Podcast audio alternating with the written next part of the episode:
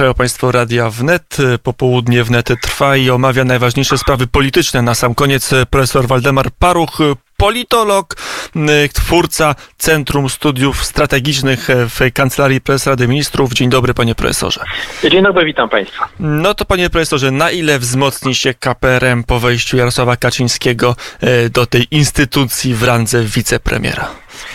To zdecydowanie wzmocni się Rada Ministrów. To, to tu jest główny podmiot odniesienia poprzez wejście prezesa Jarosława Kaczyńskiego na urząd wicepremiera przy takim zakresie odpowiedzialności, o której dzisiaj jest głośno w różnych wypowiedziach, przede wszystkim polityków Prawa i Sprawiedliwości.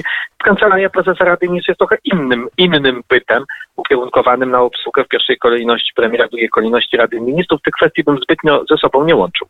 Chociaż połączył je Norbert Maliszewski, pana następca na mm, stanowisku e, szefa Centrum Studiów Strategicznych, mówiąc, że e, to jest właśnie wzmocnienie samego KPRM-u, wzmocnienie mózgu państwa, bo e, teraz w tym mózgu będzie myślał innymi Jarosław Kaczyński. Tego nie wiem, to raczej bym to traktował w kategoriach spekulacji.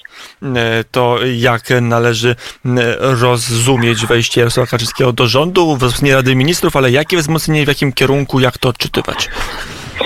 No prawdopodobnie jest to zapowiedź tego, że będzie bardzo mocna restrukturyzacja Rady Ministrów. To jest pierwsza kwestia. No jest to pytanie, czy będzie 12 resortów, czy 14 w pewnym sensie wtórne, bo mniej więcej wiadomo, jaka będzie linia konsolidacji poszczególnych resortów.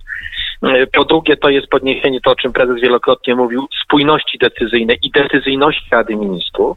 No i kwestia trzecia, wzmocnienie zdecydowanie na urzędach ministrów, nazwijmy to czynnika politycznego. Dzisiaj bowiem przy 20 resortach mamy zarówno bardzo ważnych polityków, nazwijmy to pierwszą ligę, ligą polityczną polskiej prawicy, ale mamy także ministrów, którzy są raczej ekspertami niż politykami na różnych urzędach. Wyraźnie Prawo i Sprawiedliwość deklarowało kilka tygodni temu, że będą to raczej zdecydowanie politycy, ponieważ no, stanowisko ministra jest stanowiskiem jak najbardziej politycznym.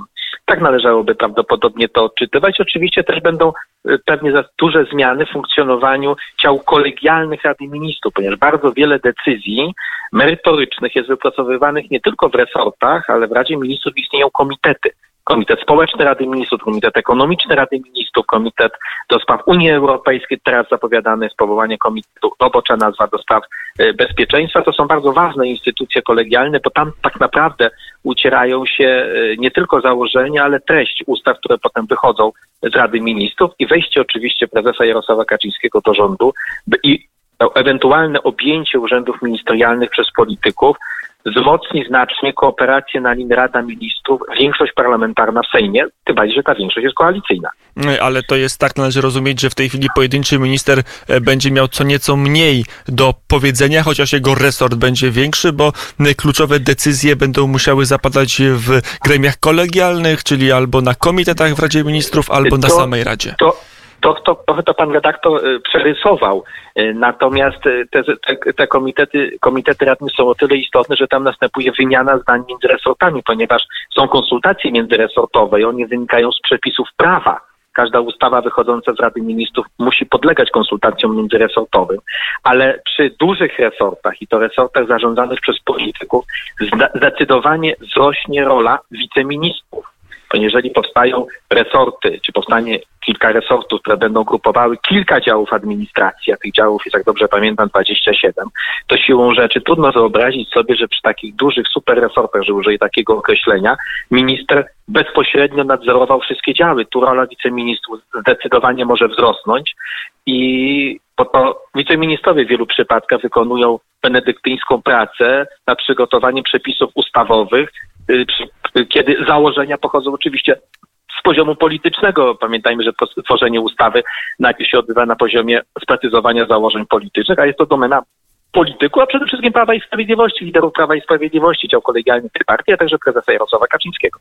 Panie profesorze, mówił pan, że linie łączeń, czy linie podziałów między różnymi tymi dużymi resortami, których ma być 12, 14, częściej mówi się o 14 koniec końców resortów, są mniej więcej znane, to które są najważniejsze, które konsolidacje będą najbardziej znaczące dla tego nowego otwarcia w rządach Prawa i Sprawiedliwości? Zapowiadana jest bardzo wyraźnie konsolidacja resortów ekonomicznych, tych związanych z polityką rozwojową, z polityką gospodarczą, z finansami, z funduszami europejskimi. Pamiętajmy, że w najbliższych latach Polska będzie że użyję czegoś, tutaj musiała przerobić dość duże pieniądze unijne, tu potrzebna jest zdecydowana spójność.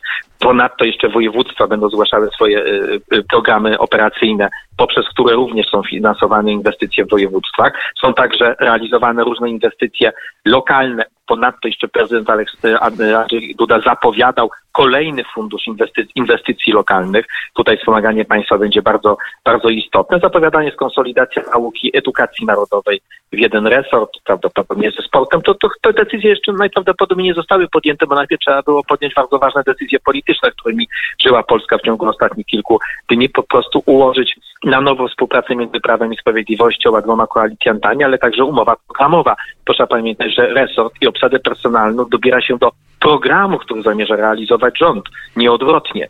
Natomiast mamy podstawowy wyjściowy program Prawa i Sprawiedliwości przedłożony opinii publicznej w 2019 roku, na podstawie którego Prawo i Sprawiedliwość wygrało wybory. Mamy także obietnice wyborcze i z wyborów parlamentarnych, i z wyborów prezydenckich. Należy teraz to wszystko wkomponować racjonalnie możliwość działania rządu, pamiętając, że wiele parametrów zewnętrznych się zmieniło i jeszcze się zmieni z powodu pandemii, pochodnych pandemii, czyli pewnego tąpnięcia gospodarczego, które jest no, wyraźnie widoczne w skali powszechnej, no, na pewno w Europie. Na pewno takie zapowiedzi jak słynna płaca minimalna już są nieaktualne, ale teraz trzeba będzie inaczej kształtować politykę gospodarczą i inaczej politykę zdrowotną, bo często premier Mateusz Morawiecki w pierwszym i w drugim ekspoze stawiał to jako priorytet, potem tego stawiania w ekspoze trudno było szukać w działaniach rządu. No pandemia była na pierwszych stron gazet, ale nie wydaje się, żeby rząd jakoś na pierwszym punkcie kładł właśnie służbę zdrowia jako elemencie trzeba szybko i zdecydowanie działać. Nie do końca, bo jak się dobrze wsłuchamy w pierwsze wystąpienie nowego ministra zdrowia pana Adama Niedzielskiego, wyraźnie zapowiadał aktywizację i odblokowanie medycyny specjalistycznej. W dobie pandemii bowiem od marca, kwietnia zamrożono bardzo wiele procedur medycznych. Jest to bardzo ważne wyzwanie, ponieważ skutki odłożone dla polskiego społeczeństwa, dla osób chorych mogą być katastrofalne w wymiarze pół roku czy roku. Tu bezwzględnie jest potrzebny inny model polityki zdrowotnej. Nie ma tu o czym mówić. Pandemia bowiem nie zniosła żadnych innych chorób. Istnieje także kwestia podniesiona kilka tygodni temu ewentualnych zmian własnościowych, jeśli chodzi o szpitale. Dzisiaj mamy bardzo rozproszone rozproszoną własność w szpitalach, natomiast wojewodowie w imieniu państwa, województwa są odpowiedzialni za bezpieczeństwo zdrowotne. W jaki sposób wojewodowie mają realizować y, bezpieczeństwo zdrowotne, kiedy nie są właścicielami żadnego ze szpitali? E, Ponieważ podmioty właścicielskie są inne. E, to pojawiło się już w różnych adnotacjach, że e, jednym z priorytetów dla nowego rządu będzie przejęcie e, i właścicielstwa, ale także długów szpitali od samorządów przez administrację centralną. To rewolucyjny krok. Y, dość istotne, a ponadto pamiętajmy jeszcze, że wiele kontraktów przez szpitale nie było wykonywanych w ostatnich miesiącach z powodu blokady pandemicznej. Jest pytanie także o koszty, które ponoszą szpitale związane z COVID, ponieważ szpitale, zwłaszcza w tej nowej strategii ogłoszonej przez ministra Niedzielskiego, mają tworzyć oddziały zajmujące się leczeniem czy też izolowaniem osób chorych na COVID, a to generuje dla szpitali dodatkowe koszty. To nie jest tak, że jest to działalność bezkosztowa, a szpitale się muszą do tego przygotować i potrzebne są kolejne nakłady finansowe. W wielu przypadkach właściciele szpitali, najczęściej samorządy, nie są gotowe, żeby te koszty podjąć, ale ponieść. Ale jest jeszcze jedna kwestia, o której pan redaktor nie wspomniał, o której mówił w wywiadzie kilka tygodni temu premier Mateusz Morawiecki, to jest edukacja. Czeka nas nowa matura, czeka nas ustalenie programów y, nauczania w szkołach średnich i opracowanie spójności edukacyjnej między liceum a studiami. Dzisiaj mamy po czasach obowiązywania przez wiele lat reformy pana ministra Mirosława Handke kompletny rozjazd mają zajęcia na pierwszym roku, wyraźnie zauważam, dostajemy absolwentów po maturze ze szkół średnich, którzy nie dysponują wiedzą, której my oczekujemy na pierwszym roku studiów, natomiast dysponują wiedzą, która jest kompletnie w procesie studiowania i życia dorosłego, potem zawodowego, nieprzydatna. To jest potrzebna fundamentalna zmiana programów nauczania w szkolnictwie średnim, zarówno tym zawodowym typu technika, ale także w ogólnokształcącym. Są potrzebne zasadnicze zmiany i na to rząd będzie miał tak naprawdę około półtora roku, więcej nie. Czas. Siłą rzeczy priorytetów musi być co najwyżej trzy, bo potem przestają być priorytetami, e, czyli mamy... No pięć, może być pięć, no trzy to może być za mało, może być pięć. E, kiedyś e, mówiono, nie wiem czy to Napoleon, nie chyba ktoś inny powiedział, że wódz dobry może dowodzić jedną armią, wybitny dwoma, a genialny trzema armiami armiami naraz więcej się e, nie da. Ale No, być, pamiętajmy również, że Napoleon był w stanie wygra, wygrać w czasie bardzo krótkim dwie bitwy. Na tym się przekonały bardzo dolegliwie Prusy. między e, innymi, e, czyli panie profesorze, pięć priorytetów, służba zdrowia, edukacja, gospodarka, to szeroki priorytet, gdzie Fundusz, fundusze europejskie. Fundusze. Te zarówno z programu odbudowy, jak i te wynikające z rozdziału pieniędzy budżecie unijnym. e, to mamy trzy priorytety, jakimi się zajmie e, rząd, zdaniem pana profesora. Zobaczymy, że pan profesor ma dobre przesłuchy w Prawie i Sprawiedliwości i dobre oko na państwo, co jest potrzebne. A jeszcze na koniec, panie profesorze, samą czystą polityką bym się e, zajął. Zbigniew Ziobro, wygrany czy przegrany tych negocjacji i tym faktem, że do rządu wchodzi Jarosław Kaczyński?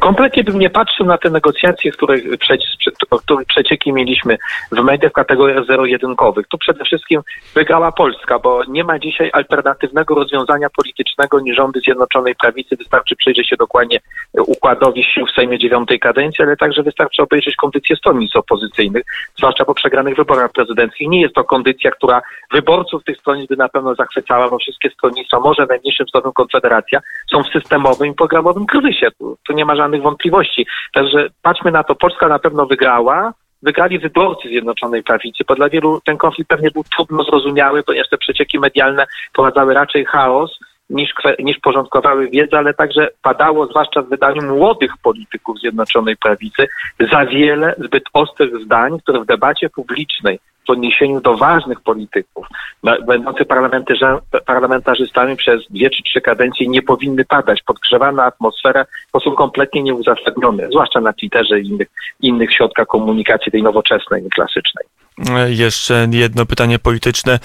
Być może już się zadałem w tej rozmowie, a być może nie o e, siłę Mateusza e, Morawieckiego, wzmocniona, osłabiona, panie profesorze? Y, Zawsze silniejszy rząd będzie działał korzystnie dla premiera, ponieważ będzie w stanie realizować lepiej i efektywniej cele. Patrzmy także, mówimy o czystej polityce, pan redaktor to wspomniał, zanaczu każda partia, partia rządząca tak modeluje swoją politykę, żeby wy, wygrać kolejne wybory. Bardziej do wyborów mamy daleko, bo trzy lata, ale rządzenie przez te trzy lata musi być też podporządkowane takiemu celowi. Mówimy o tak zwanej czystej polityce. Jest to standard dla państwa demokratycznego, że patrzy się w horyzoncie y, krótkookresowym, średnioterminowym i długofalowym. A to nie jest tak, panie profesorze, będę kolokwialny, że e, przychodzi Jarosław Kaczyński do Mateusza Morawieckiego i mówi, patrz synek, tak się robi rekonstrukcję. Biedzisz się, biedzisz się tygodniami z tym Ziobro, z tym Gowinem, a ja wchodzę i wszystko jest poukładane. Tak się robi rzeczy. Mm, Panie redaktorze, y, szanowni państwo, nie ma żadnych wątpliwości, że dzisiaj prawica ma tylko jednego lidera, jest im prezes Jarosław Kaczyński. Udowodniły to zarówno wybory parlamentarne, wcześniej jeszcze europejskie, a na pewno prezydenckie.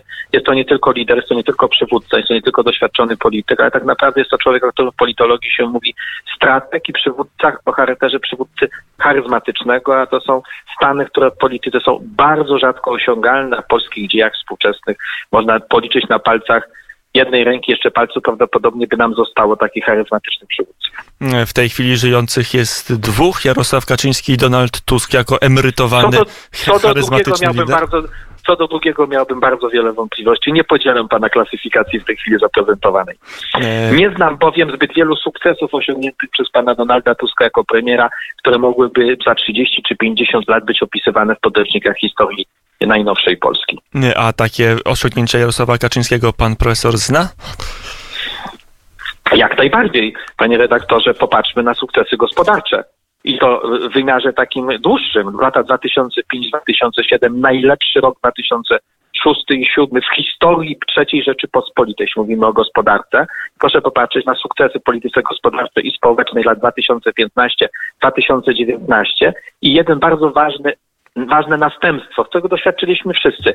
Wreszcie Polacy zaczęli dość tłumnie uczestniczyć we wszystkich wyborach. Od wyborów europejskich, kiedy frekwencja wielu zaskoczyła, w tym także polityków, po wybory prezydenckie. Przy tak czytelnej polityce, kiedy obietnice wyborcze traktuje się, a to czyni Jarosław Kaczyński jako kontakt z wyborcami, wyborcy wiedzą, po co idą na wybory bo wiedzą, co się może zdarzyć po wyborach. Dlatego to obietnice, realizacja programu, o którym mówiłem na początku, jest bardzo istotna, bo Prawo i Sprawiedliwość góruje na polskiej scenie politycznej wiarygodnością, o czym nie mogą powiedzieć inne konkurencyjne, opozycyjne stronnictwa. Powiedział profesor Waldemar Paruch, politolog, Uniwersytet UMC, jeżeli dobrze pamiętam, Uniwersytet Marii Jak najbardziej. Skłodowskiej w Lublinie. E, Dziękuję bardzo i do usłyszenia.